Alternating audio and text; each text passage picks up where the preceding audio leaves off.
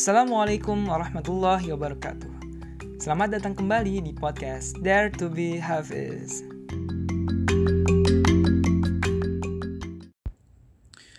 أعوذ بالله من الشيطان الرجيم يا أيها الذين آمنوا أطيعوا الله وأطيعوا الرسول وأولي الأمر منكم فإن تنازعتم في شيء فردوه إلى الله والرسول إن كنتم تؤمنون بالله واليوم الآخر ذلك خير وأحسن تأويلا Wahai orang-orang yang beriman, taatilah Allah dan taatilah Rasul Muhammad dan ulil amri pemegang kuasaan di antara kamu Kemudian, jika kamu berbeda pendapat tentang sesuatu, maka kembalikanlah kepada Allah, Al-Quran, dan Rasul, sunnahnya, jika kamu beriman kepada Allah dan hari kemudian.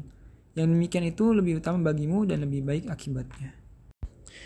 Oke teman-teman semua, ini udah sampai ke bahasan ke-21 dari ayat-ayat yang dimulai dengan Ya amanu panggilan cinta Allah kepada kita orang-orang yang beriman. Semoga kita termasuk orang yang beriman gitu ya.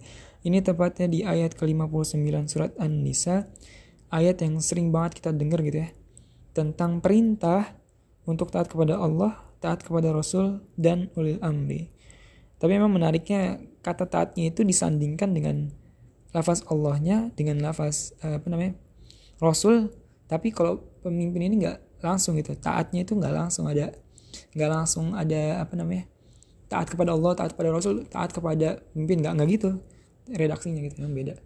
Tapi eh, di sini mungkin jadi satu isyarat gitu ya yang memang di notesnya juga tulisin selama si pemimpin atau pemegang kuasa itu berpegang pada kitab Allah dan sunnah Rasul. Jadi kayak kewajiban eh, eh apa namanya taat kepada pemimpin itu suatu hal yang wajib.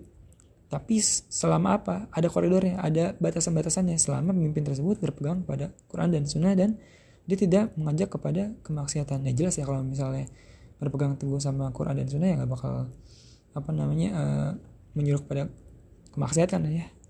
Gitu.